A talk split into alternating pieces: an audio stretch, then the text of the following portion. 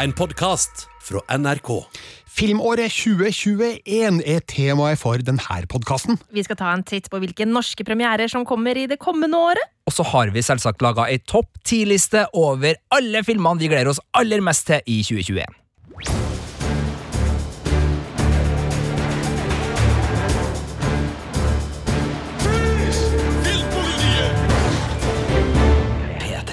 Det er en glede å si velkommen til Filmpolitiets podkast med Birger Vestmo. Marte Hedenstad. Og Sigurd Vik. Og dere to snakka jo i det vide og det brede om eh, årets serier i forrige uke, så da er det bare rett og rimelig at nå skal det kun snakkes om film. På kino, men også litt strømming. Ja, for det er jo sånn at eh, det kommer jo masse filmer både på lerret og TV-rute i år. Ja, jeg, jeg så, jeg vet ikke om det er helt riktig, men jeg så at Netflix visstnok skal liksom slippe en film i uka i Ja. 2021 omtrent. Ja, og når Netflix slipper film, så kan det handle om både fugl og fisk. Og i fjor så var det jo veldig mye fugl i Mank, som jeg syns var fjorårets beste, så det skal bli spennende å se hva Netflix har på filmplakaten sin utover eh, året. Vi skal ta for oss eh, stort sett filmer som har premiere på kino da, i denne podden, med noen strømmeavstikkere.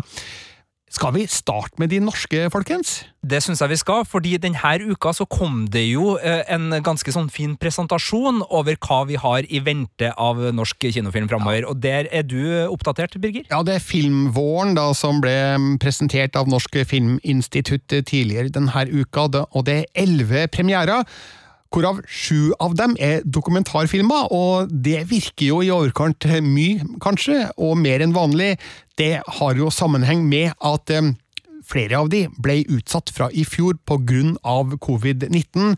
Derfor har det balla litt på seg med dokumentarer her nå, samtidig som en del spillefilmer har blitt utsatt til, høst, til høsten fordi det er litt trange kår for kinoene for tida. Mange er jo stengte i Oslo-området spesielt, og da vil jo filmprodusentene vente til alle kinoene er åpne igjen, for å tjene mest mulig penger. Og ja, vi kan jo forstå det. Ingen vil jo lage film som ingen kan se, eller som få kan se når vi vet hva potensialet er. Vi ser jo nå at den største forbrytelsen som hadde premiere første juledag, den er jo sett av kun ja, er det rundt 60 000, og hadde det vært eh, business as usual på kinoene, så hadde jo sikkert tallet vært ja, minst det dobbelte, vil jeg tro. Men vi skal gå gjennom de filmene som eh, har premiere eh, det første halvåret, i hvert fall, da, av de norske, og 5. februar, da kommer Aksel, som er da en ny dokumentar om eh, alpinisten Aksel Lund Svindal. Filmen er laga av Even Sigstad og Philip Christensen, som har samarbeida godt med Aksel Lund Svindal før. De har nemlig stått bak flere skifilmer, som Being There og Supervention og Supervention 2. Aksel Lund Svindal har vært med i alle de som en av flere skikjørere, og kjenner jo da disse filmskaperne veldig godt. og jeg vil jo gjette da, at eh, de etter hvert har opparbeida seg et godt eh, kameratskap og eh, en fortrolighet med Aksel Lund Svindal, som gjør at vi forhåpentligvis kommer nærmere inn på personen Aksel Lund Svindal da, i eh, den nye dokumentaren.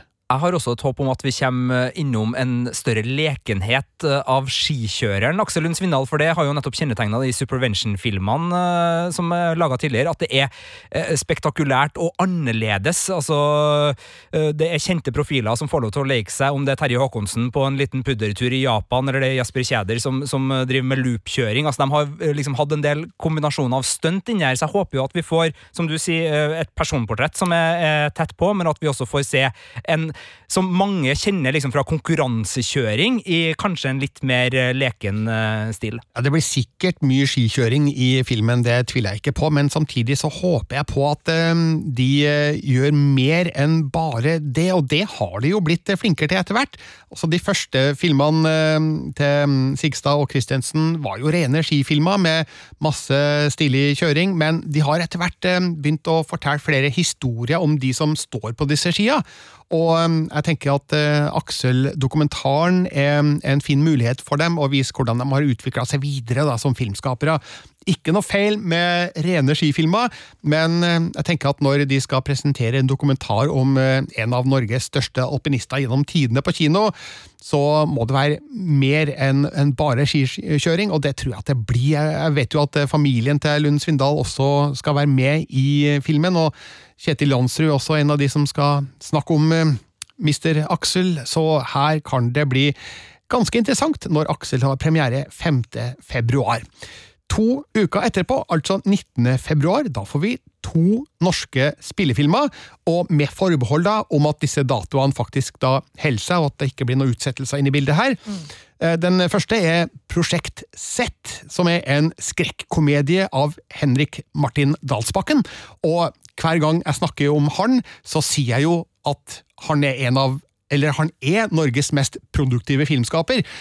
Han er kanskje litt lei av å høre det, og kanskje andre er lei av at jeg sier det, men det er jo sant. Han hadde jo premiere på sin forrige film, Gledelig jul, for bare to måneder siden.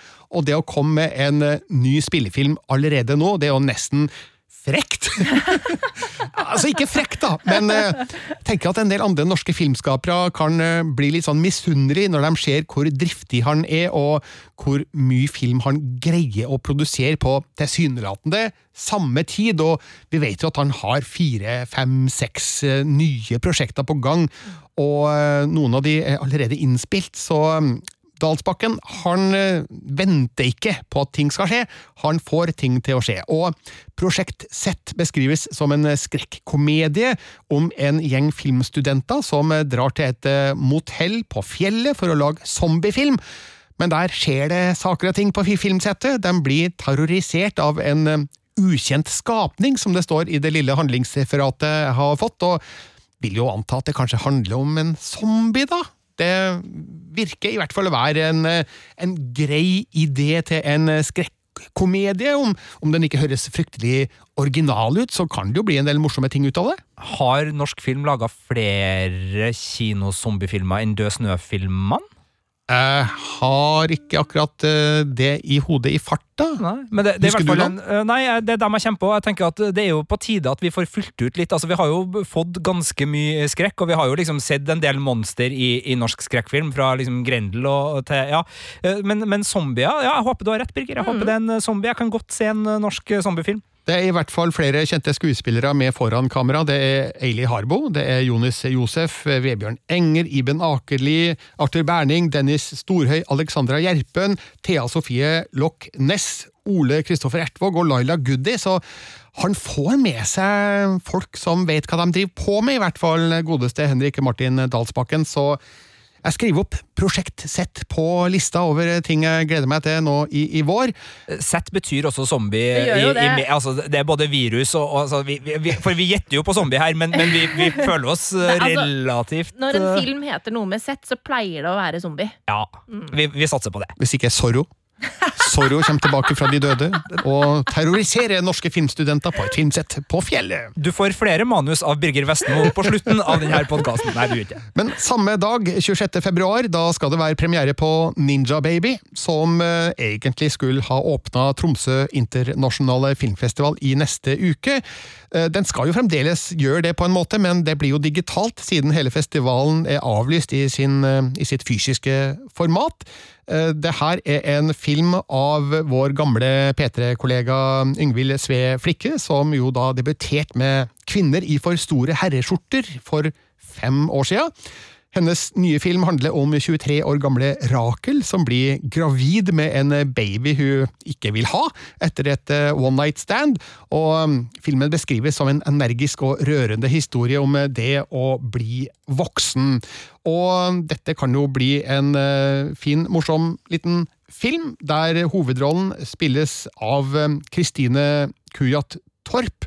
Og eh, ja, jeg likte kvinner i for store herreskjorter, og jeg er sikker på at Ninja Baby også har noe å fare med. Nå kan jeg ikke anmelde filmen, fordi jeg kjenner jo liksom regissøren litt for godt, da, siden vi er tidligere kolleger og alt det her, men uansett så Sigurd eller Marte, Du dok får sende en av oss. dere må gå og se Ninja Baby. Men jeg syns det høres morsomt ut. Eh, altså det å eh, ikke merke at du er gravid før det har gått seks måneder, høres ut som et interessant eh, utgangspunkt for en film. Og så må det jo sies at Hjerteslag, som er en serie som har gått på TV2 nå med, med tre sesonger, virkelig også har lefla med samme tematikk og, og blitt en personlig favoritt. Jeg syns den er kjempefin. Jeg skal ikke projisere den over på det her, men, men det er klart det er en, en sånn både gjenkjennelighet og sårhet i den problemstillinga som jeg kan se for meg at det er interessant å utforske i, i spillefilm. Dette er en komedie, sant? Det er en komedie, men eh, en komedie som prøver å eh, røre ved noe virkelig og vektig da, og vesentlig, sånn som jeg leser ut ifra de få linjene vi eh, har fått om Ninja Baby. Vi har jo ikke sett noen av de her filmene, så her blir det litt eh, kvalifisert gjetning, kan du si. Den neste norske filmen som har premiere i år, den har jeg faktisk eh, sett. Gunda kommer 26. mars. Skulle egentlig hatt premiere i første juledag, men er altså en av de som ble utsatt da av eh, koronastengte kinoer. Den her så jeg jo på filmfestivalen i Berlin for snart et år siden, og ble helt bergtatt av en fantastisk nydelig sort-hvitt film med poetiske kvaliteter, der vi møter purka Gunda og hennes nye kull med grisunger på Grøstad gård i Undrumsdal i Tønsberg kommune. Eh, Vi, ser også glimt i filmen av eh, britiske kyr og ei spansk eh, høne med ett bein, men det er mest fokus på Gunda og griseungene i filmen. og den viser jo da dyras tilværelse fra deres eget perspektiv. Vi ser hvordan eh, hverdagen eh, arter seg for dem. Det er da glimrende beskrivelser og observasjoner her, av disse dyra som, som levende, tenkende individer i sitt naturlige element. Og mm, det her er jo en film laga av den russiske regissøren Viktor Kosakowski. Han er dyreverner, og han er veganer, og han vil nok vise oss eh, hva det er vi egentlig spiser. Mm. Svinekoteletten smaker ikke like godt neste gang etter at du har sett Gunda, det kan jeg si. Og den har jo også fått eh, Joaquin Phoenix eh, med seg på plakaten. Han er jo også dyreverner og veganer, og brukte jo deler av takketalen da han vant Oscar for Joker i fjor, til å snakke om dyras velferd. Da han fikk se Gunda, så mm, ble han jo med en gang huka og satt navnet sitt umiddelbart på plakaten. Jeg tror ikke han har vært med og laga filmen på noe vis, eller finansiert den, men eh, han har satt navnet sitt på den for at Gunda skal få et enda større nedslagsfelt da, enn den kanskje ellers ville ha fått, og den nevnes som en av kandidatene til en Oscar-nominasjon for beste dokumentar vil vel tro at det skal holde hardt og nå helt opp, fordi amerikanerne er veldig glad i å nominere amerikanske filmer til Oscar. Men eh, den nevnes i hvert fall, og det tenker jeg er et ess S i ermet for eh, de folka som nå skal distribuere Gunda i Norge på kino. Forhåpentligvis, altså. 26. mars en dato verdt å merke seg. Er det noen flere som gleder seg til Gunda? Jeg gleder meg veldig til Gunda. Så man kan man ta en liten double bill. Man kan se Griseindustriens hemmeligheter i NRK først, og så kan man gå og få en litt bedre feeling med Gunda på kino etterpå. Samme dag som Gunda skal ha premiere, altså 26. mars, da kommer også en annen utsatt dokumentarfilm, A-ha The Movie, av Thomas Robsam, og alle skjønner jo hva det her handler om, nemlig tidenes norske popband. Det handler om Morten Harket, Magne Furuholmen og Paul Voktor Savoy. Thomas Robsam har fulgt dem på um, turneen som pågikk helt opp til korona brøt ut, og um, den eh, skal samtidig fortelle hele historien om bandet, deres opprinnelse, deres suksess, medgang og motgang og interne stridigheter, og som stor a-ha-fan gjennom 36 år, så må jeg jo bare innrømme at den her gleder jeg meg til. Vet du hva jeg gleder meg mer til? Jeg gleder meg mer til å finne ut om det er Morten Harket som er inni Vikingen i The Masked Singer UK! Ja, ok. Eh, Marte, det her er en seriøs filmpodkast. Uh, filmpolitiet fordrer en viss seriøsitet, og, og det her uh, maskora... Nei da, ja, det er litt spennende. Det er veldig spennende! Ok, men jeg continue. Jeg gleder meg Veit også ikke til det om det altså. kommer til å være en del av filmen, Marte. Nei, det er nok ikke Nei, I hvert fall hvis han ikke er der. Det håper jeg virkelig ikke at de har tatt med det i filmen, for det vil være veldig veldig merkelig. Men det er jo veldig gøy å få lære mer om historien til a-ha. For Ja. at eh, jeg kjenner jo veldig godt til bandet og musikken, men jeg har kanskje ikke sett så veldig mye sånn eh, historien om akkurat når det gjelder dem? jeg har gjort det. Jeg har lest noen bøker og sett noen dokumentarer tidligere, og føler jeg vet mye om hvordan det her bandet har funka, eller av og til Ikke funka. ikke funka. Vi vet jo at det er tre sterke personligheter, av det her, og det har vært en del gnisninger mellom dem som har resultert i kreative toppunkt, og um, hvordan det har foregått, det håper jeg at Aha The Movie kan gi oss et eh, større bilde på. Men det er nesten rart i 2021 at et band presenteres i en dokumentarfilm på kino, for nå har vi jo hatt så mye av det der eh, based on a true story, altså Bohemian Rhapsody, eh, Elton John-filmen, og, og, og det har kommet Mutley Crew-film på Netflix, og det har liksom vært den der dramatiseringa med uh, noe attåt, som har liksom vært måten å presentere band på, men uh, sånn sett så føles ja, det Ja. føles litt sånn sobert og anstendig å faktisk lage en dokumentar. Skulle Thomas Robsam ha laga en spillefilm i stedet for, om a-ha? Jeg, jeg, som sagt, jeg syns det er noe anstendig og interessant med en dokumentar oppi alt der, for jeg syns jo faktisk at uh, sjøl om eh, underholdningsverdien i spesielt Bohemian Rhapsody da, og, og for så vidt Rocketman, altså det, den er jo der, men det blir jo noen sånn Disney-versjoner av, uh, av virkelige hendelser som er altså det, Queen var jo med og produserte Bohemian Rhapsody, og, og det var jo noen managere spesielt som fikk seg noen skurkeroller som de kanskje ikke alltid fortjent. så det, jeg syns dokumentar funka, altså. Men jeg likte Rocketman bedre enn Bohemian Rhapsody der, fordi jeg synes det var så gøy at vi på en måte gikk inn i musikken på en helt annen måte. Altså Det var en musikal. Det syns jeg var veldig gøy. Men jeg tror ikke en spillefilm om a-ha hadde funka like godt, for uh, sjøl om både Harket og Furuholmen og Voktor Savoy er fantastisk flinke musikere, altså, de har ikke de ekstravagante personlighetene til Elton John og Freddie Mercury, så vet ikke hvor godt det hadde funka, så jeg er glad til at det blir en dokumentar og ikke en spillefilm. A-ha The Movie kommer altså etter planen 26. mars. Og så um, ser jeg at jeg har hoppa litt over to filmer som kommer 12. mars, eh, så vi går da et par uker tilbake i tid der nå på lista. Uten filter er nok en dokumentar av Lars Ingar Andresen, og um, den skal handle om det å være ung i 2020, sett gjennom eh, mobiltelefonene til et knippe ungdommer som har filma seg sjøl gjennom et års tid i Moss. Så eh, her kan det bli noe som passer P3s målgruppe veldig godt, i hvert fall. Uten filter, heter den, og samme dag, 12. mars, kommer en film som kommer til rett tid, for det er, det er ti år siden massakren på Utøya. Generasjon Utøya skal handle om fire av de overlevende som da har nekta å la seg true til taushet, og har fortsatt sitt politiske engasjement etter det som skjedde på Utøya. Og det er to av Norges desidert flinkeste dokumentarfilmskapere som står bak, nemlig Aslaug Holm og Sigve Endresen, så Generasjon Utøya kan virkelig være noe å se fram til, eller eventuelt grue seg til, da. 12. mars, jeg vil anta at det er en del sterke historier og inntrykk som vil bli servert eh, der. 19. mars, da kommer en ny spillefilm av Guro Brusgaard som heter Han. Den skal følge tre menn gjennom et døgn, der de opplever sosiale og emosjonelle tilbakeslag. Og Det er da en film som skal handle om utenforskap, og den skal diskutere mannsrollen. og Det er vi alltid åpne for, Sigurd. Ja, det er jo en diskusjon som jeg aldri eh, er med på i noe særlig grad, så det er jo greit å få den servert på, på kinolerretet. Ja, og det er da Johannes Jonur, Emil Johnsen og Frank Werner Laug som spiller de største hovedrollene i den filmen, som da etter plan, hvis disse datoene stemmer, da, og at det ikke blir utsettelser, har kanskje sagt det før, si det igjen, eh, får da premiere 19. mars. Og så 26. mars, da kommer filmen Gritt.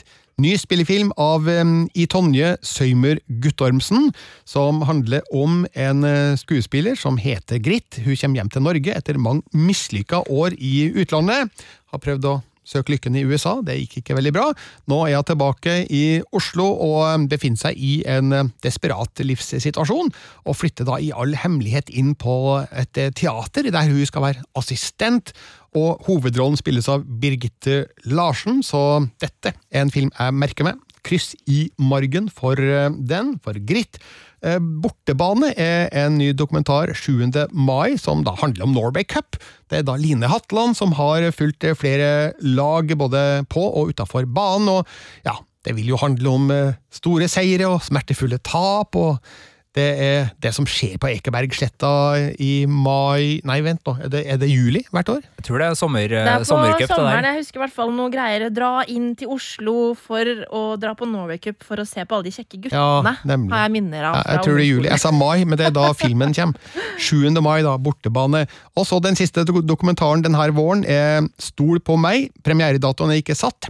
Emil Trier har laga film om eh, gründeren Walid Ahmed, som var en eh, lovende forretningsmann, men ble arrestert av FBI og dømt til elleve års fengsel for internasjonal svindel. og det var vel navn som Kofi Annan og Justin Bieber inn i bildet der, uten at jeg husker helt sammenhengen. Ja, men jeg tror du kan eh, finne eh, noen av svarene i P3-universet, for vår kollega Vebjørn Espeland har laga dokumentar om eh, det her til, til radio, altså ikke kinodokumentar. så, så bare å gå i, appen NRK Radio og søke litt, så skal du nok finne, finne noen svar, eller eventuelt skjerp interessen der.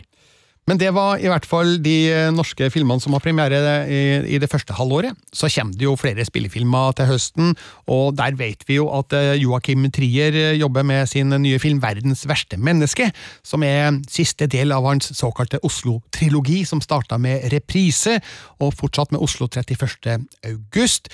De håper å få den med på filmfestivalen i Cannes, når den skal arrangeres forhåpentligvis i mai. Det er også sagt at den kanskje utsettes til sommeren, vi får se. Og så er august nevnt som mulig premieremåned for verdens verste menneske. Så kommer det en ny katastrofefilm fra Fantefilm, som er gjengen bak Bølgen og Skjelvet og Den største forbrytelsen.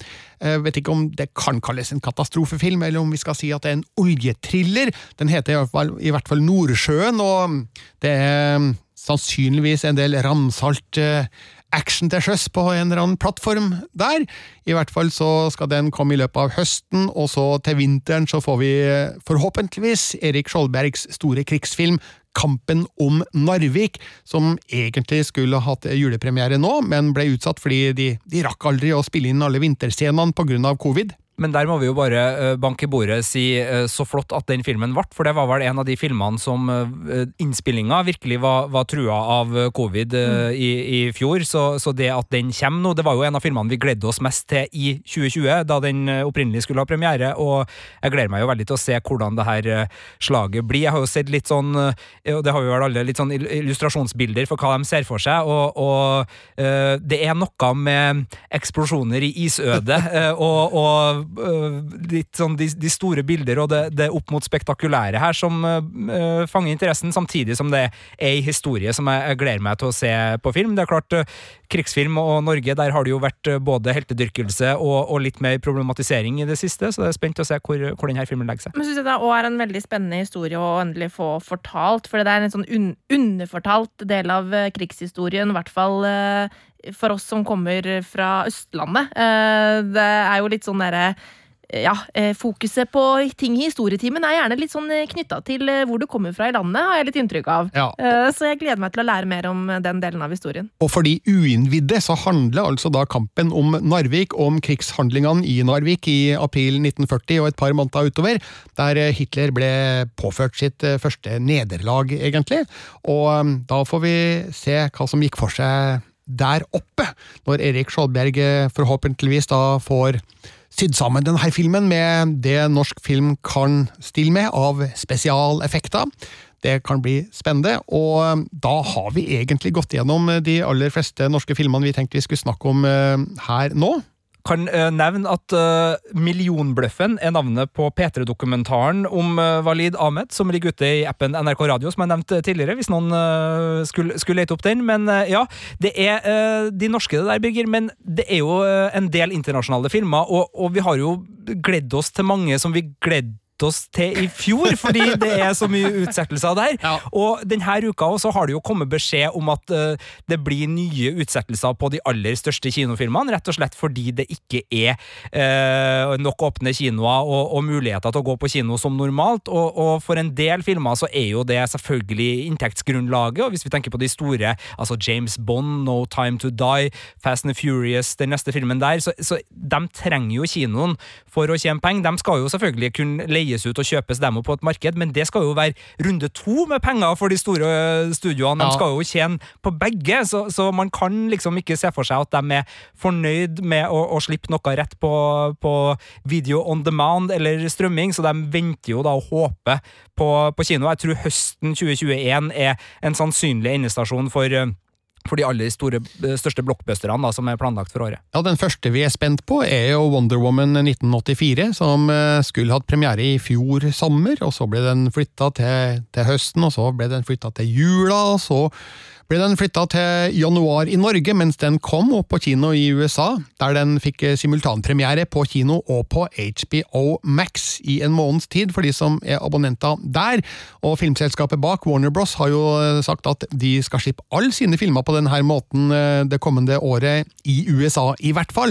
Altså samtidig på kino og på HBO Max, der filmene vil bli liggende ute i en måneds tid, før de går tilbake til den vanlige rundgangen da med utgivelse på, på Blu-ray og DVD og, og kjøp og leie på diverse strømmetjenester. Og det sies jo også at det er en strategi som Disney kan benytte seg av på enkelte titler. De gjorde det jo på Sjæl, eller Soul, da, eh, før jul. Der sa de jo eh, at de ikke skulle gjøre det først, men de endra stil og, og kjørte ut den rett på, på strømmetjenesten. Det gjorde de også med Mulan. Og Black Widow er også en tittel som det nå snakkes om at muligens vil dukke opp på strømming, hvis den da ikke får eh, kinopremiere som planlagt. Og det er jo den uh, kommende MCU-filmen, eh, som er delvis spilt inn i Norge. Og det har jo vært så lenge siden en ny Marvel Cinematic Universe-film nå at vi, vi er jo nesten uh, skjelven. Det er jo helt absurd at det har gått over et år siden, eh, siden forrige.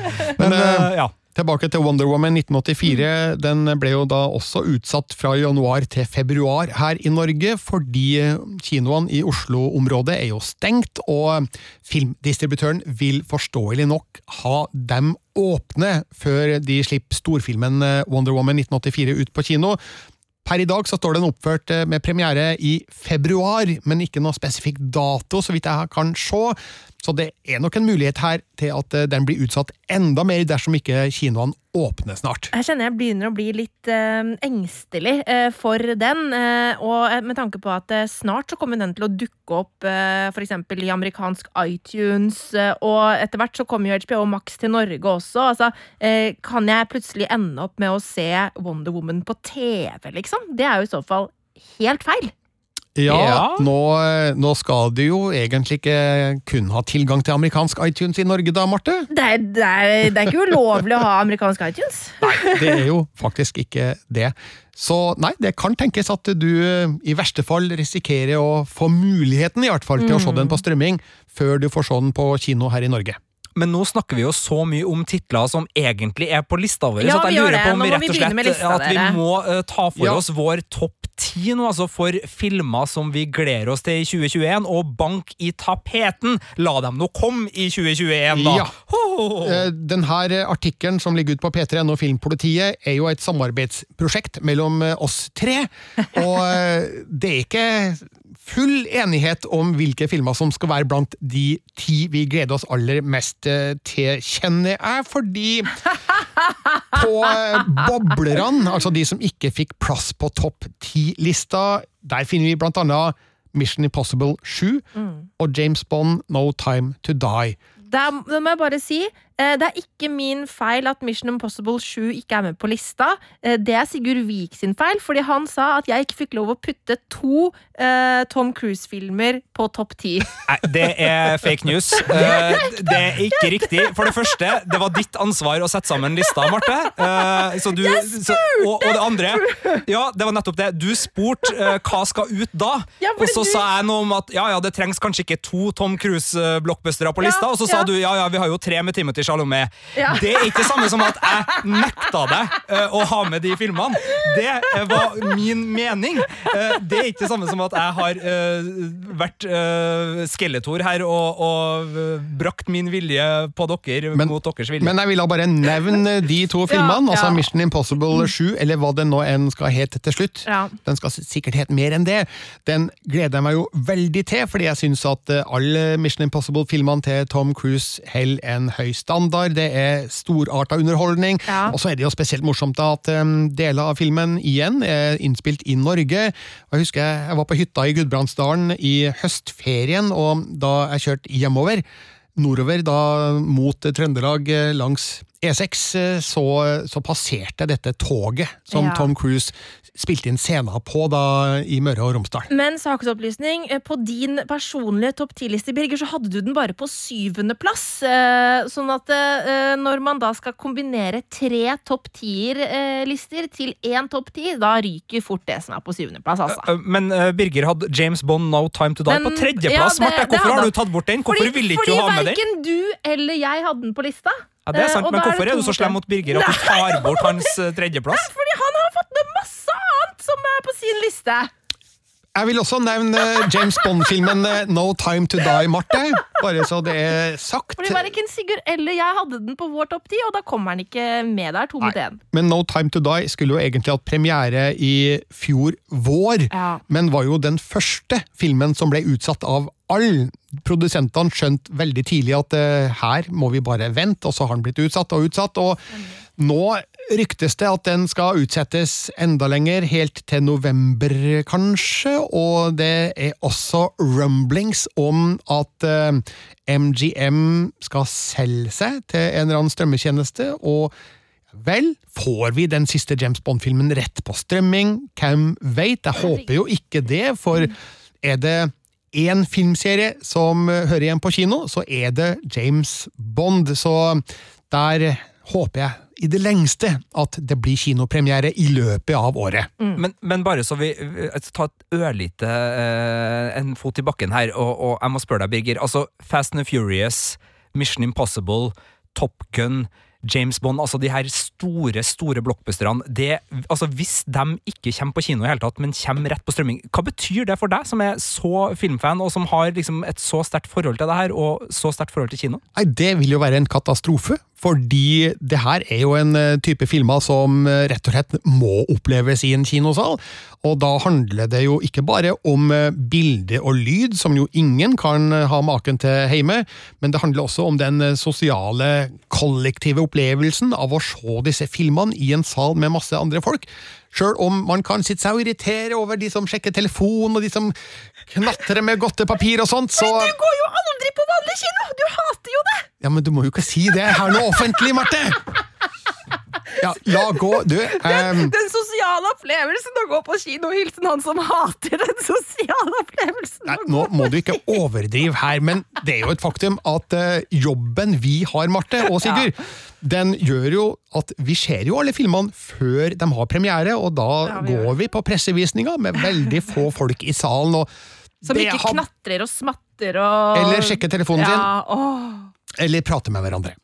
Der er det jo eh, sånn at vi kanskje har blitt litt sånn miljøskadd, men samtidig, jeg elsker jo å gå på filmfestivaler og se filmer der i stappfulle saler med andre filminteresserte folk. Det er et eller annet med den opplevelsen du ikke får på pressevisning eller hjemme i stua, og det vil jo gå ut over filmgleden hvis eh, storfilmene ikke blir vist på kino, men går rett på strømming. Vi skal ikke ta sorgene på forskudd her, jeg har stor tro på at det, det blir kinodrift som vanlig når vi har bare blitt vaksinert alle mann, så høsten tenker jeg blir veldig fin på, på kino. Eh, vi må gå løs på den topp ti-lista som vi har blitt eh, enige om, da. Sånn cirka, i hvert fall. Som Marte har blitt enige om på våre vegne. Nå, nå altså. Nei, altså, altså, altså, det var uh, helt greit at øh, det var du som satte den sammen, for det var jo uh, oppdraget du fikk. Ja. Men jeg bare presiserer at du har øh, Basert på at alle har sendt inn sine topp ti-favoritter. Ja. Ja. ja. Og på tiendeplass, der har du, eller vi, plassert In The Heights, Marte. Yes, Linn Manuel Mirandas eh, nye film. Eh, den er da regissert av Crazy Rich Asian-regissør John M. Chu. Og det er den valgte musikalen eh, jeg valgte å ha med på årets topp tidliste. Det sto mellom denne her og West Side Story. Og siden jeg syns at West Side Story er en kjedelig musikal, Oi. Så røyk den ut. Uh, Steven Spielberg skal lage uh, West Side Storyen. Jeg vet, Eh, men men jeg syns fortell ikke oss litt om hvem det er som skal lage den her In The Heights. For det er en mann som mange har blitt mer og mer kjent med, både som skuespiller og som Yes. komponist. Som nevnt, Linn Manuel Miranda og Chiara Allegria Hoods. De har da laga denne Broadway-musikalen som nå kommer til da filmen. Så det var jo han som lagde Hamilton, som har vært en opplevelse på Disney pluss. Um, så det her er jo da rett og slett historien om et sånt lite uh, altså, miljø i, uh, i New York, uh, som er et sånt fargelikt lappeteppe av livene til menneskene som kommer innom en liten dagligvarebutikk, hvor det da er en fyr som driver den lille butikken, men så får han på en måte en beskjed om at han har arva en hel haug med penger, og så kommer det da det store spørsmålet skal han reise hjem til Den dominikanske republikk, eh, eller skal han fortsette å drive denne, denne dagligvarebutikken sin eh, ja, eh, i da eh, Washington Heights i New York. Og, og jeg har sett traileren, og det ser skikkelig skikkelig artig ut. Det ser trivelig ut. Det er masse danseglede og musikk, og det er jo da Miranda som har skrevet låtene. Eh, og han er jo en fyr som virkelig eh, kan få det til å svinge. Altså, det her er mannen som uh, laga How Far I'll Go fra uh, Vaiana, eller Mm. Yes. Moana om du vil. Han er kjent som skuespiller fra blant annet uh, uh, His Dark Material, som nå er ferdig med sin andre sesong på HBO Nordic. Altså et multitalent Ja. av de sjeldne. Han som skal nå kun ha en liten rolle som skuespiller i filmen, men, men det er i hvert fall han som har på en måte Han har laget musikalen som, som nå skal bli film, da. Og så må vi jo nevne regissøren John M. True, som er kjent for G.I. Joe Retaliation, Step Up to The Streets og Now You See Me Too.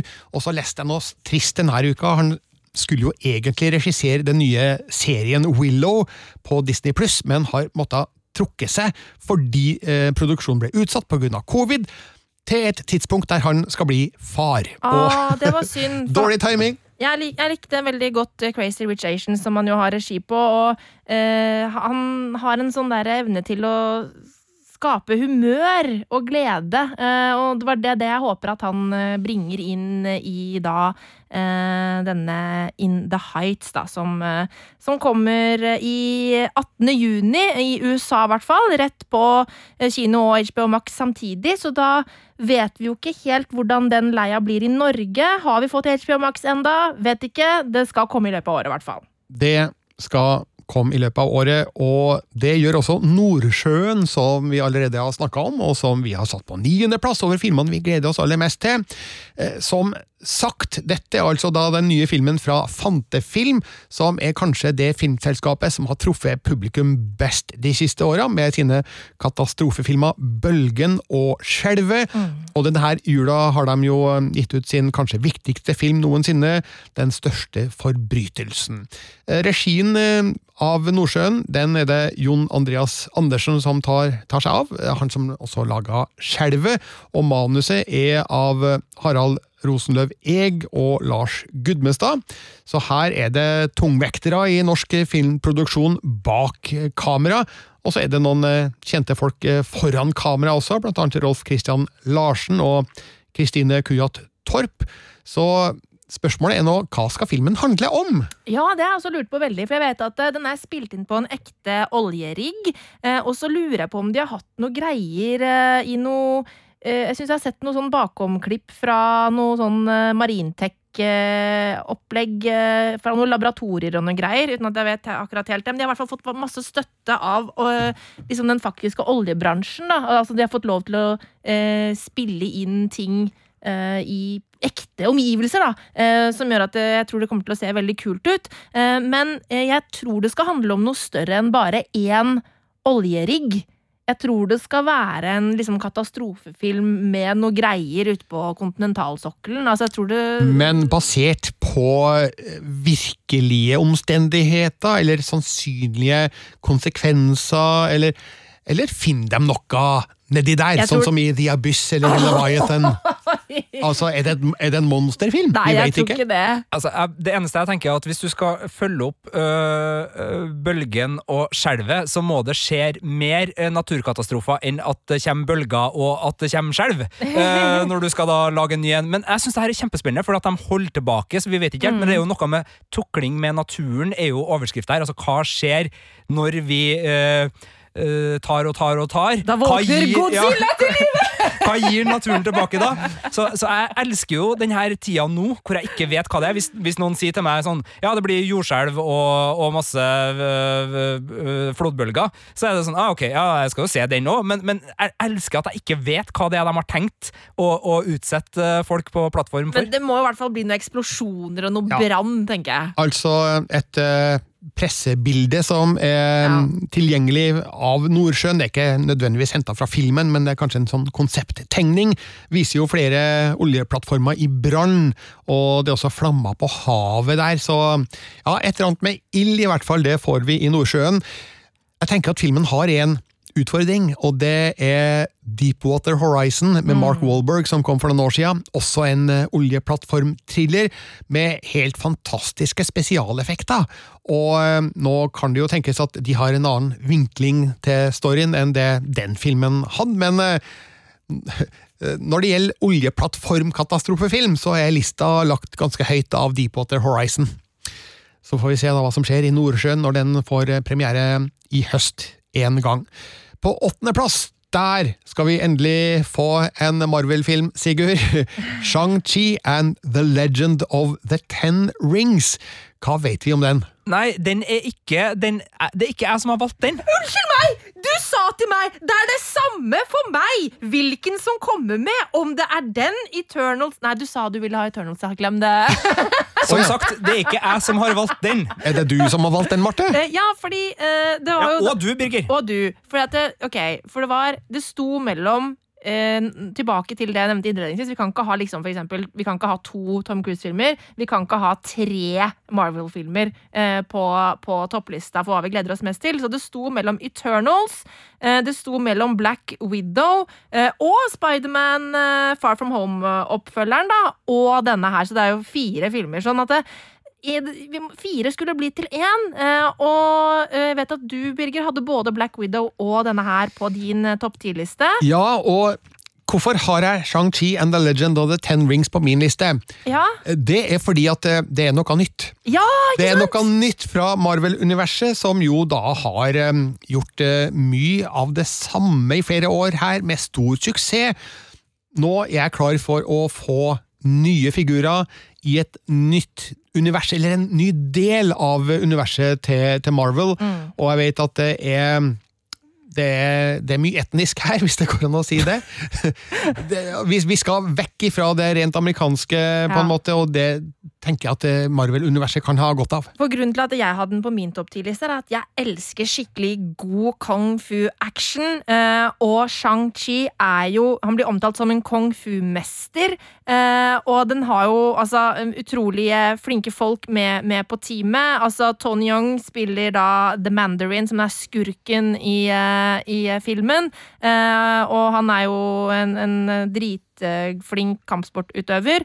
Eh, og så er det da Simu Liu som har hovedrollen som Shang-Chi. Han kjenner jeg ikke så veldig til som skuespiller, men jeg har sett han fighte på internett, og han er jævla god! Og så er Aquafina og Michelle Yeoh også på rollelista, Ja, så og Michelle Yeoh er jo dritgod både som skuespiller og som kampsportutøver, så jeg gleder meg skikkelig til det her. Eh, Og jeg vet at du ville jo ha helst Eternals, eh, Sigurd, men eh, det her er virkelig liksom MCU sin mulighet til å få redemption for den ræva drittserien Iron Fist som pissa på kung fu.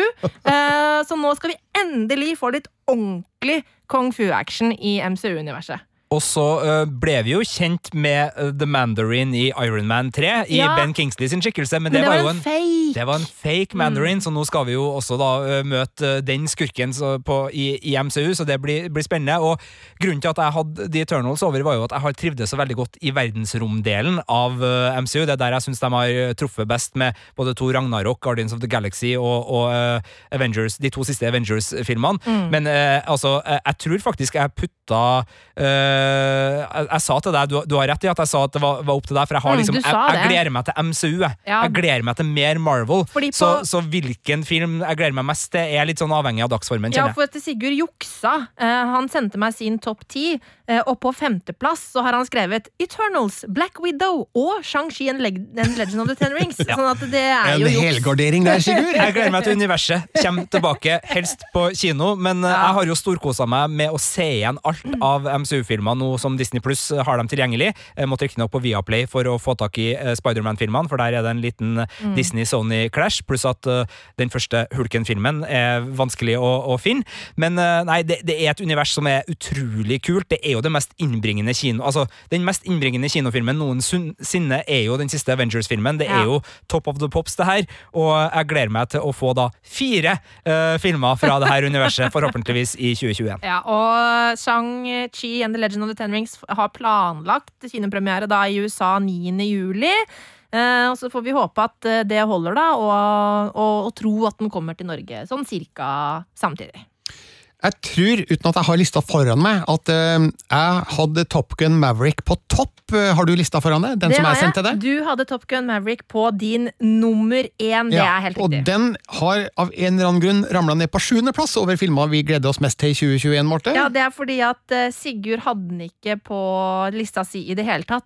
og jeg hadde den litt langt ned på min, så derfor ble det nummer sju. Ja, Men dere er jo så unge, Mm. dere har jo ikke det nostalgiske forholdet til den første Top Gun som jeg så på kino i 1987, og har jo alltid hatt Pete Maverick Mitchell i Tom Cruise sin figur, da, som en slags eh, filmhelt helt opp på toppen av lista. Og nå altså skal vi alle de her årene senere få oppfølgeren Top Gun Maverick, som egentlig skulle hatt premiere i fjor sommer, men har da blitt utsatt og utsatt og utsatt, som de fleste andre storfilmer pga. covid-19, og skal nå da få forhåpentligvis premiere 9. juli. Midt i fellesferien, eh, i hvert fall når jeg pleier å ha ferie. Vi får Ja. se om jeg må utsette den ferien i år, da, så jeg får sett eh, Tom Cruise i Top Gun Maverick. Han kommer tilbake til Top Gun-skolen nå som instruktør.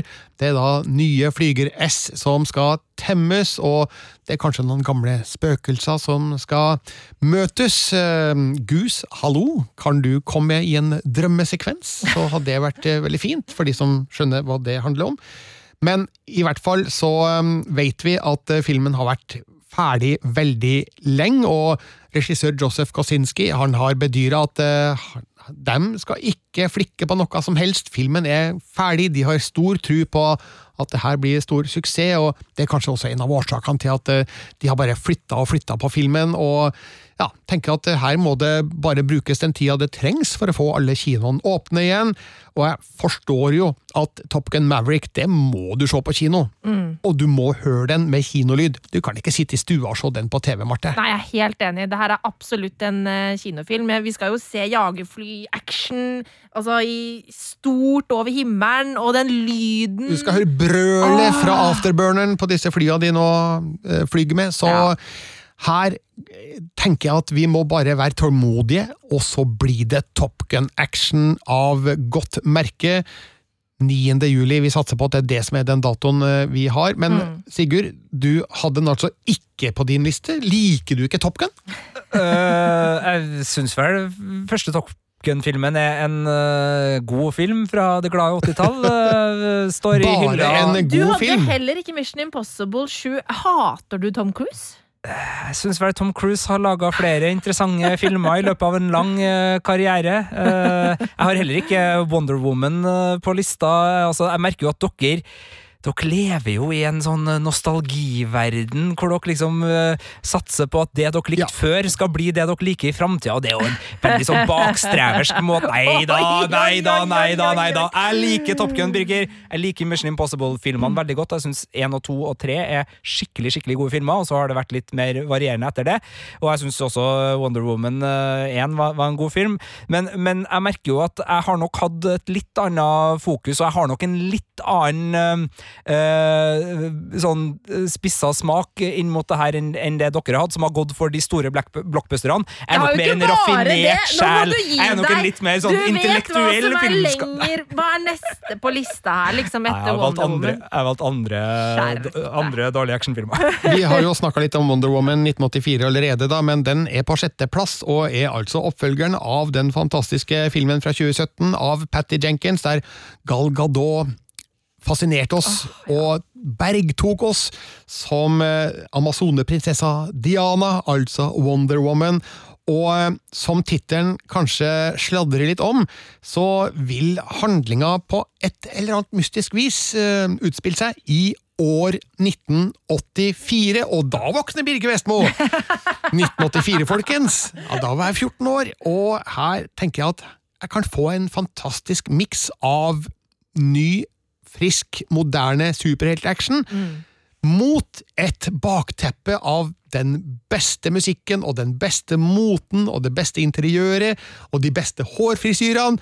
Jeg sier det her selvfølgelig med mye ironi, for 80-tallet det inneholdt veldig mye rart, og jeg håper at vi får se mye av det i Wonder Woman 1984. Ja, det ser sånn ut. Altså, det ser så gøy ut i traileren. Det er så fargesprakende og artig. Eh, Og det er, eh, det er eh, montasjer med klær, og det er greier. Jeg gleder meg skikkelig. Og så, jeg vet at denne filmen her har Jeg har ikke lest noen anmeldelser, for det vil jeg helst ikke gjøre før jeg ser den selv, men jeg har registrert at den har fått litt uh, mixed mottagelse borti Uniten. Men vi driter i det, og gleder oss til vi har sett det sjæl. Aldri tro på filmkritikere, Nei. Marte. Det vil si aldri tro på andre filmkritikere enn oss, selvfølgelig. Ikke sant. I artikkelen på P3N og Filmpolitiet så skriver du, Marte, Mm. noen i redaksjonen herme, øh, øh, hva, hva heter det tegnet der? Det heter parentes. Parentes, herregud, fullstendig brain eh, outage her. Parentes, les Marte. Ja. Parentes, slutt. Begynte å gråte første gang de så traileren for filmen. Ja. Hæ? Ja, Hvorfor det? ja, altså jeg har altså Etter at jeg så den første Wonder Woman-filmen, så, så har jeg bare fått en sånn der enorm sånn derre eh, sterk connection til Wonder Woman, eh, fordi hun er den første kvinnelige superhelten som har vært så kul. Eh, da jeg så henne i den første filmen, så liksom jeg hylgrein eh, når hun på en måte først er lita jente, og så plutselig så springer hun som eh, ung voksen i, i den der treningsmontasjen på starten av filmen. Jeg hylgrein, for det, det, det slo meg så hardt. Eh, og noe av det samme var i den eh, traileren som kom på Wonder Woman 1984. Altså, hun eh, pisker seg gjennom stormen med gullassoen sin, eh, og det er enorm bare musikken, og det var bare det var så fett at det, det ble så masse følelser på en gang at jeg bare begynte å gråte. Det var, jeg, jeg gleder meg så sykt mye til den filmen her. Altså, Din glede over den filmen her, og glede over hva den representerer, gjør at nå angrer jeg på at jeg ikke har den på topplista. For nå får jeg, nå, nå får jeg lyst til å se den. Nå sånn, gleder jeg meg til Wonder Woman enda mer enn jeg gjorde tidligere. Ja, Og, det er og det er noe med at man blir litt blasert av og til, og, og, og man glemmer å tenke over hva filmer faktisk kan både representere, og hva de faktisk kan gi. Mm. Eh, og, det er lett å sitte her og liksom sånn Ja, nok en! Jeg har sett så mye superheltfilmer nå. Men uh, takk, Marte.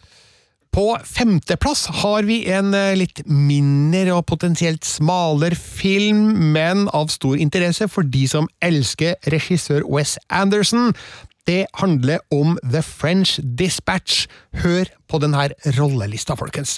Timothy Chalamet, Saoirse Ronan, Benicio del Toro, Christoph Waltz, Frances McDormand, Elizabeth Moss, Bill Murray, Tilda Swinton, Edvard Norton Det er klart at alle de beste skuespillerne i verden vil gjerne jobbe med Wes Anderson, og de jeg nå nevnt, har gjort det nå med The French Dispatch, som er en av de utsatte filmene. Skulle egentlig starta filmfestivalen i Cannes i fjor. Gjør det trolig i år i stedet for. Vi håper i hvert fall at det blir slik. Jeg håper at det blir slik, og at jeg kan være der for å se filmen. At jeg blir vaksinert i tide, og alt det der. Men eh, det er ikke bare jeg som gleder meg til den her, siden den har havna helt opp på femte. Hvem dere hadde den på lista? Jeg hadde den på lista. Alle. på lista. Alle. Ja. Ja. Det er jo da Andersens eh, første live action spillefilm siden The Grand Budapest Hotel, har du skrevet, Marte? Mm, det stemmer det. Eh, Så, og nå får han virkelig liksom slå seg løs. Uh, og leker altså så mye med ulike formater og greier. Fordi det her er på en måte en antologifilm. Uh, det handler da om The French Dispatch, som er en, et fransk magasin.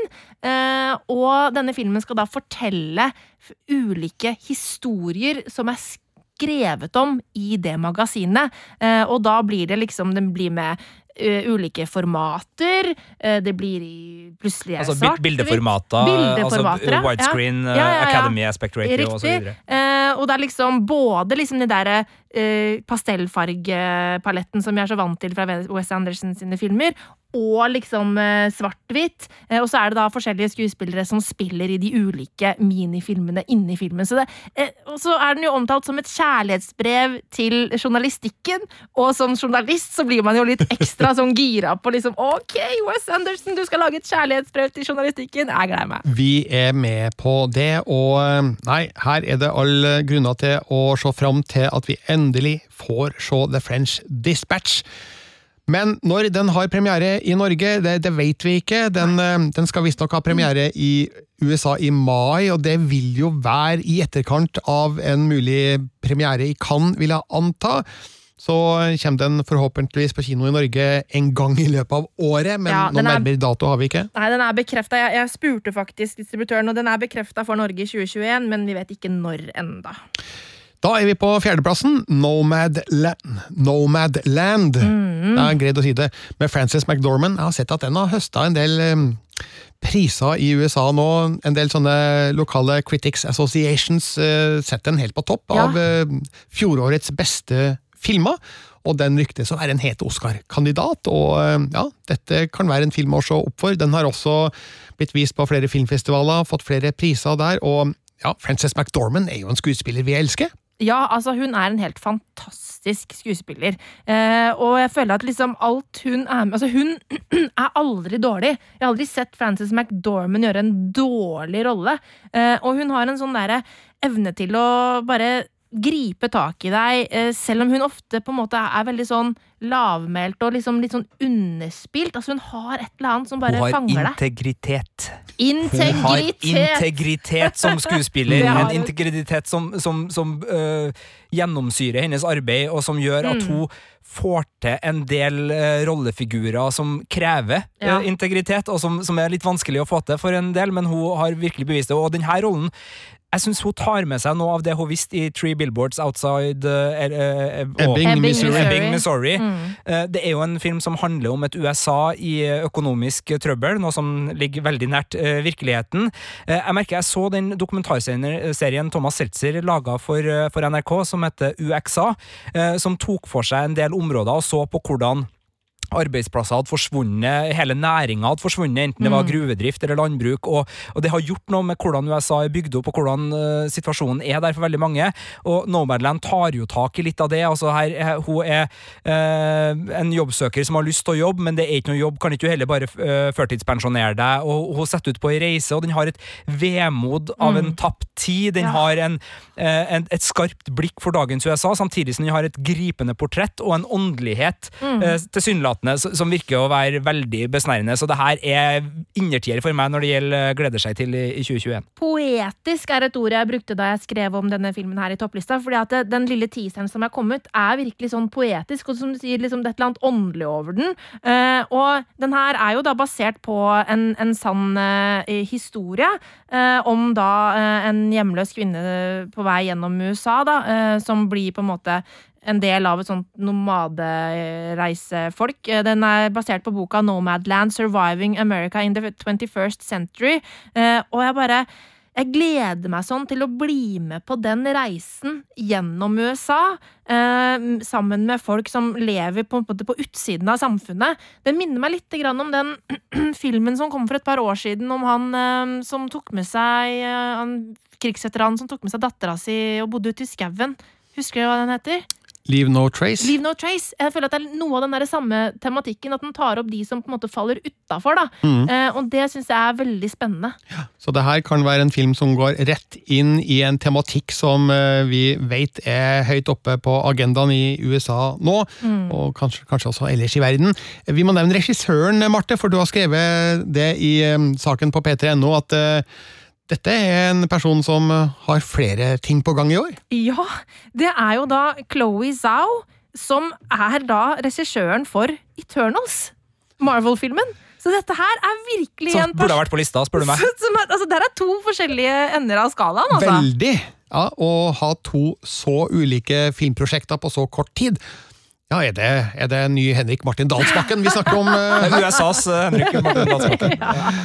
Vi, eh, vi venter at den kommer til å få flere Oscar-nominasjoner, og Mm. mm, altså beste film, kanskje beste regi. Vi har jo ikke sett filmen ennå, noen av oss, så vi vet jo ikke hvor god den er. sikkert. Beste skuespiller, sikkert. Mm. Så der tenker jeg at den kan få en ekstra drahjelp, da, men det er jo 15. mars at disse nominasjonene offentliggjøres, og filmen har premiere allerede 19. februar, forhåpentligvis, så vi får se den i god tid før Oscar-akademiet skal si sin mening da når det gjelder antall nominasjoner. Så er vi på tredjeplassen, og der har vi en film som jeg rett og slett ikke har hatt på radaren min i det hele tatt! Så hvordan i all verden har det skjedd at Nobody er på tredjeplass, Sigurd og Marte? Det har skjedd at begge vi to har gleda oss til den. Eh, Jeg ofte Når jeg spiser middag, så pleier mannen min jeg ofte bare skru på YouTube, og da ser vi filmtrailere. Eh, og Det er så mange sånne reels som kommer hver uke med nye filmtrailere.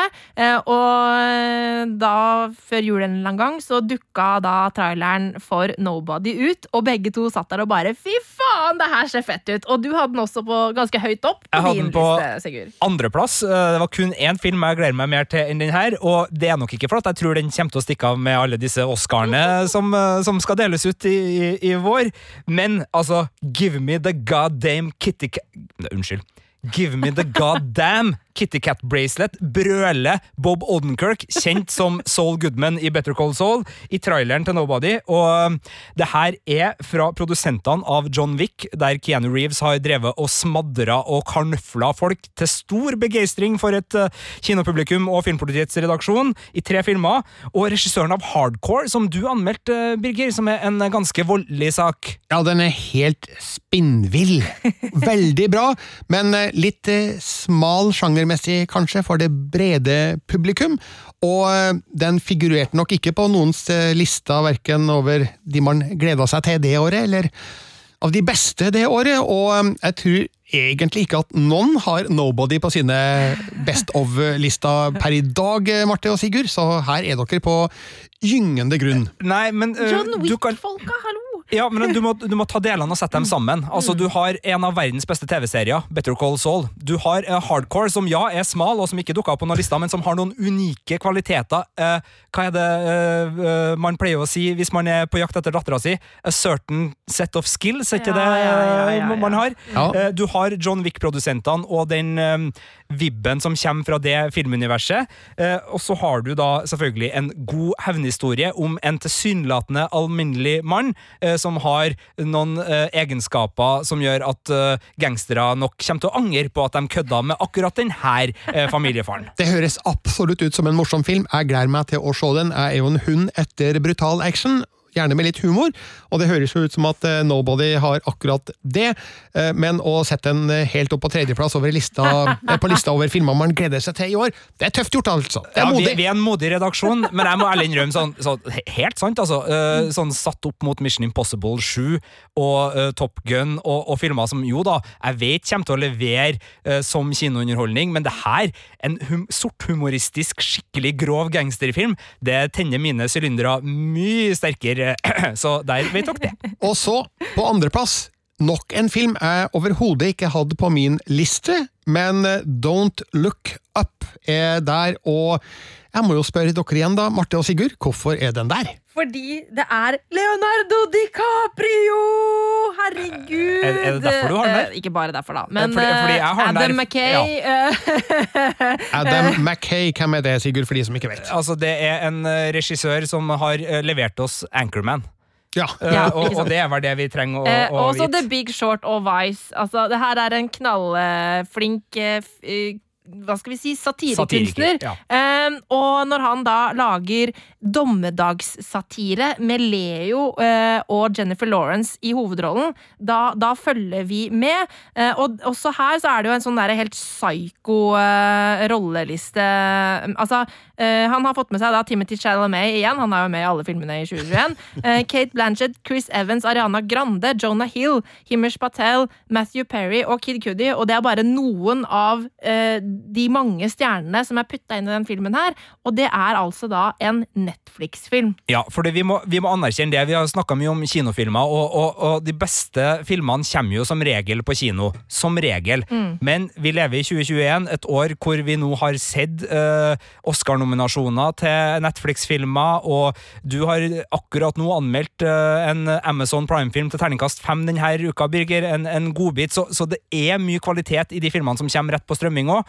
Og den største, uh, sånn eh, ut fra det vi vet kommer av forhåndsfavoritter, den filmen Netflix sparte helt til slutt på sin trailer over de her filmene slenger vi ut i 2021, er, er den her. Og eh, ja, eh, det er jo en sjanger som kanskje ikke roper etter det største publikumstallet, og, og kanskje heller ikke etter Oscar-priser. Det er en sånn eh, altså Satire er ikke nødvendigvis den mest bejubla sjangeren eh, innenfor de segmentene, men eh, som en publikumsfavoritt og, og som en eh, um, ja, en, en godbit for oss som liker aktuelle filmer som, som tar tidsånden på kornet, så tror jeg det her kan bli en skikkelig godbit. Og så er det sånn at eh, Leo og J.Lo spiller da to astronomer som visstnok er litt sånn De, de er ikke liksom top notch-astronomer, de er litt sånn B-roll-astronomer eh, som oppdager da en enorm asteroide på vei mot jorda, og, og må da eh, advare planeten om denne hendelsen. Eh, og jeg må bare si, altså Leonardo DiCaprio eh, Jeg kan bare ane hvor mange tilbud han får om å lage film. Eh, han velger ut veldig få prosjekter han faktisk gidder å bli med på. Og når han velger da å være med på dette greiene her, med da Adam McCabe ved, ved roret, så, så bare har jeg så stor tro på at det blir dritbra. Det tror jeg òg. Han har aldri vært med i en eh, dårlig film. Han har en nese etter de gode prosjektene, og jeg tror ikke han knytter seg til en film uten å være helt sikker på at det her holder en viss kvalitet, altså. Så det er kvalitetssikring å ha Leonardo DiCaprio på rollelista. Og um, ja, jeg kjenner jeg gleder meg mer til Don't Look Up Now enn eh, før vi gikk i gang med denne praten, for um, den har vel rett og slett ikke vært sånn veldig høyt oppe i min bevissthet. Så um, takk for at dere har plassert den på topp ti, folkens. Og så skal vi jo ta med at Adam Mackay også har bånd til Succession, en av de Ja, ja, kuleste ja. TV-seriene om dagen, så hvis det er et snev av den uh, råskapen inn i miksen her, så gleder vi oss hver enda litt mer, for du hadde den som en av seriene du gleder deg aller til i 2021, Birger? Absolutt. Det er vel ingen, eh, eller få serier som har mora og provosert og engasjert meg mer enn det de to første sesongene av Succession har gjort. Et nydelig rollegalleri, og de er jo så sleipe og fæle med hverandre at det er en fryd! Så nei, en god, en god forbindelse der til den filmen. Så hvis de greier å Hvis Adam Mackay greier å, ja, skal vi si gi Don't Look Up litt av den brodden som Succession har, så vil jo det bare gjøre filmen enda bedre, tenker jeg. Da er vi på førsteplassen, altså den filmen vi i Filmpolitiet gleder oss desidert mest til i hele 2021, og den her hadde all høyt oppe på lista. Det er Dune, og her skal jeg gi deg ordet, Sigurd, for jeg vet at du er spesielt stor fan av, eh, av eh, råmaterialet til filmen. Ja, altså, eh, jeg tror nok både jeg og Marte hadde den her på førsteplass. Yes. Stemmer det, Marte? Ja, jeg gleder meg. Ja, det er absolutt mest. Det er jo basert på en bok, en sci-fi-bok fra det glade 60-tall, som omtales ofte som den mest solgte sci-fi-romanen noensinne. Og veldig innflytelsesrik sci-fi-romanen ever, altså Frank Herberts Dune, da. Mm. Ja, og den har jo blitt både forsøkt og faktisk faktisk filmatisert eh, tidligere. altså Den ble forsøkt filmatisert av eh, Alejandro Jodorowsky på 70-tallet. En storslagen eh, kalkunsmell av proporsjoner da han samla Salvador Dali, Mick Jagger og Pink Floyd, blant andre, til en liksom sånn fantastisk sci-fi-film som ble altfor dyr, og som ble altfor lang. Den ble som- dyrere og dyrere Ja, ja, ja. og dyrere, og dyrere, og dyrere, og til slutt så ble den ikke noe av. Men se gjerne dokumentarfilmen uh, uh, Jodorowskys Dune som, som handler om prosessen. Uh, og det er også en Altså Skisser og andre ting fra den filmen har jo vært til stor inspirasjon for Mm. alt fra Aliens til Terminator til Star Wars. altså En, en veldig innflytelsesrik Den eh, filmen som aldri ble noe av, prega science fiction-historien også på film, fordi det var så masse av råmateriale, som du sier, og, og artwork og alt mulig som var tenkt til den filmen, som rett og slett på en måte ble nesten sånn distribuert på andre filmer etter det. Så det, Det er var- veldig fascinerende. Ja, det er fantastisk. Og igjen, eh, se den eh, dokumentarfilmen, for det, det er helt nydelig å se både den skaperkraften som lå bak det, den der uh, usjenerte, ambisiøse stilen til Jodorowsky, som bare liksom sånn 'Jeg vil ha det! Jeg vil ha det! Jeg vil ha det beste der! Jeg vil ha det!' Bare, ja, ok, men det går sikkert ikke. Det driter jeg i! Jeg vil ha det! Jeg har ikke det samme forholdet til Dune som du har, Sigurd. Jeg har ikke lest boka, ikke sett Lynch-filmen, og ikke satt meg så veldig mye inn i hva det var Jodorowsky egentlig drev på med. Men jeg har et uh, sterkt forhold til regissøren av den nye Dune, Denise Villeneuve, som mm. i likhet med Leonardo DiCaprio aldri har laga en dårlig film. Han har bare laga veldig gode filmer. Altså, uh, Polyteknikk i 2009, Navals hemmelighet året etter, Prisoners i 2013, Enemy samme år, Sicario i 2015, Arrival året etter, og Blade Runner 2049 i 2017. Og sistnevnte var i hvert fall en terningkast seks-film. Der tenker jeg at eh, lista er lagt eh, høyt, og jeg vedder på at eh, Villeneuve ikke kommer til å skuffe denne gangen heller. Kan Marte ta et lite sånn høytlesningsopplegg over eh, rollelista, sånn at vi igjen får et eh, lite dryss av stjerner her? Ja, ikke sant? Altså, vi har jo selvfølgelig med oss uh, Timothy Chalamet, for han er jo med i alle filmene som kommer i 2021. Eh, og så er det jo da Oscar Isaac, Josh Brolin, eh, Stellan Skarsgård, Javier Bardem, Jason Momoa og Zendaya, for eh, å nevne noen. Ja, det er, sånn, det er en tredjedel av Ja, stjernene er som skal være med på det her. Sinnssykt masse spennende folk som er med, og det ser altså dritbra ut. eh, Og musikken eh, høres dritbra ut. Jeg gleder meg. Og det som er, at den her må man se på kino. Eh, Og det er jo altså ganske interessant da, med tanke på hva som skjer når det gjelder film og, og, og strømmelandskapet eh, der borte i Uniten, men eh, den må ses på kino. Altså, det går ikke an å, å, å gjøre noe annet. Nei. Deler av filmen er jo også innspilt i Norge, så vi skylder jo Norge å se den her på kino. I Cinemascope, akkurat som med Mission Impossible 7, ja, og Black Widow for den del. Og noen som nevnte at, og James Bond. Ja, Og James Bond, ja. mm, Takk, James Bond. noen som nevnte at Hans Zimmer hadde filmmusikken, eller? Jeg, jeg, jeg nevnte musikken med Hans Zimmer. Ja, mm, en så- av mine favorittkomponister når det gjelder filmmusikk. Det skal bli spennende å se om vi snakker like varmt om Dune om ca. et års tid, da når filmåret 2021 skal oppsummeres, men eh, jeg har trua. Jeg har håpet. Jeg er ganske sikker på at eh, vi kommer til å bli fascinert, interessert, bergtatt av det Denise Villeneuve er i ferd med å skape i et redigeringsrom et eller annet sted i verden. Ja, og så skal det jo sies at det her eh, blir en uh, førstefilm. Det kommer en oppfølger, og det er nok lurt, fordi historia er akkurat litt for stor til én film. Og det var der kanskje også Jodorowsky bomma litt. Eh, David Lynch eh, bomma jo også, men han fikk jo laga sin. Det ble bare ikke en veldig Bra god en, sjøl om eh, Sting er med, eh, for dem som er glad i, i 80-tallshelter. Og jeg lurer på om det var var det Toto som hadde noe filmmusikk der? Ja, det var, jo, det tror jeg Ja. stemmer. Eh, men, eh, Oscar-nominert, tror jeg, for, for Oscar eh, for, for filmmusikken. Men, men det å dele den i to tror jeg er lurt, og, og det gjør jo at vi kommer til å ha Dune på gleder seg-lista flere ganger, håper vi da. Ja, og det som bare er det store problemet der, og som jo Denise Villeneuve er eh, jævlig forbanna for, er jo det at han er engstelig for hva som kommer til å skje med oppfølgeren. Eh, Fordi at Dune kommer til å i USA eh, havne eh, rett på HBO Max samtidig som kino, og at den da kommer til å tape masse inntekter der, og, at det, da, og det da kanskje kan ødelegge for oppfølgeren. da. Så det er skumle og spennende tider akkurat når det gjelder den type storfilm. For det som skjer i år, kommer til å ha konsekvenser for eh, filmbransjen videre. Definitivt, og derfor så må vi være veldig flinke til å faktisk gå på kino og se de her storfilmene.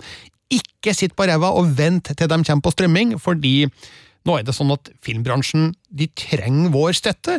Altså Ikke bare de som lager film, men også de som viser film i Norge. Altså Norske kinoer. De trenger øh, pengene våre, rett og slett, for at vi skal være sikra et godt tilbud fremover.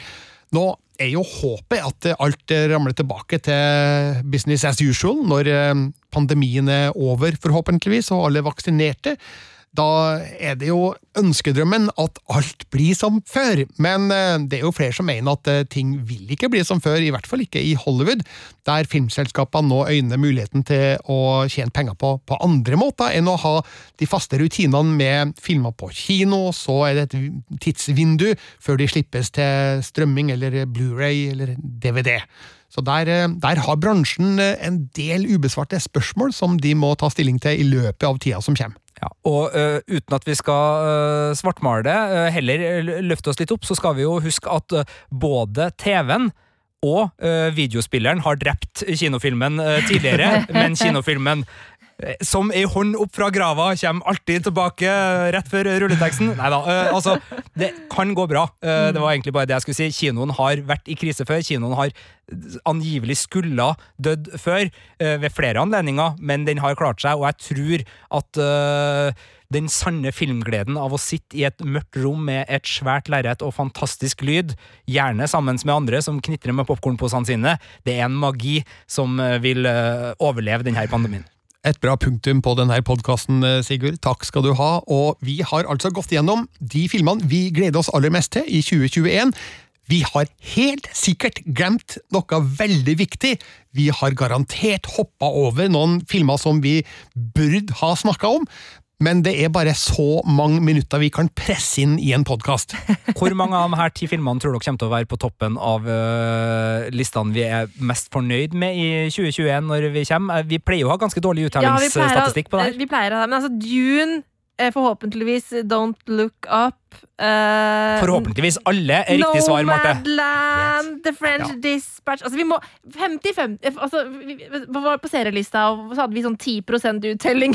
Eller ja, noe vi hadde, sånt. Vi hadde én riktig eh, der uh, i fjor, ja. ja. Men å glede seg til noe, ja. det er jo noe helt annet enn å oppsummere hvordan ting ble. Ja, det er helt riktig det, Birgit. Og det kommer jo masse sort-hvitt-firmaer som vi ikke har hørt om ennå, som skal på første, andre, tredje og fjerdeplass. Ja, altså, um, der har du et eh, poeng. Det er massevis av filmer under produksjon som vi ikke vet om engang, ja. eller som vi ikke har liksom satt oss inn i, så det kan komme mange overraskelser i løpet av året. Sånn er det hvert år. Men det gjør jo ikke vår liste mer relevant. Vi har nevnt de filmene vi har mest trua på akkurat nå, og så vil tida vise om det er grunn til å glede seg til noen av de her filmene, egentlig. Men vi satser på at det er det. Med det setter vi da endelig punktum for denne podkasten. Du finner oss på p3.no Filmpolitiet. Vi er på lufta på P3 hver søndag fra 12 til 15. Vi har også plass på en del sosiale medier. Yes, Instagram, NRK Filmpolitiet og Twitter, NRK Filmpolitiet. Der finner du oss. Og du kan både gi oss ros og ris og komme med spørsmål og komme med forslag hvis du sender en e-post til filmpolitiet, alfakrøll, nrk.no. I studio i denne podkasten har eh, du hørt til Birger Vestmo. Marte Hedenstad. Og Sigurd Vik. Ha en fin dag. Vi høres igjen om en uke. Hei! Jeg heter Tamanna Gniotri og i den nye podkasten Pålogga dykker jeg inn i de beste og sterkeste historiene fra våre liv på internett. Du møter blant andre Synne. Hvordan er det egentlig når bestevenninna di som du har chatta med i flere år, viser seg å være en pedofil mann? Jeg sa ting til henne jeg aldri kunne sagt ansikt til ansikt til mine bestevenninner fra da. liksom. Det var, det var bare så lett å skrive det ned, på en måte. Hør podkasten Pålogga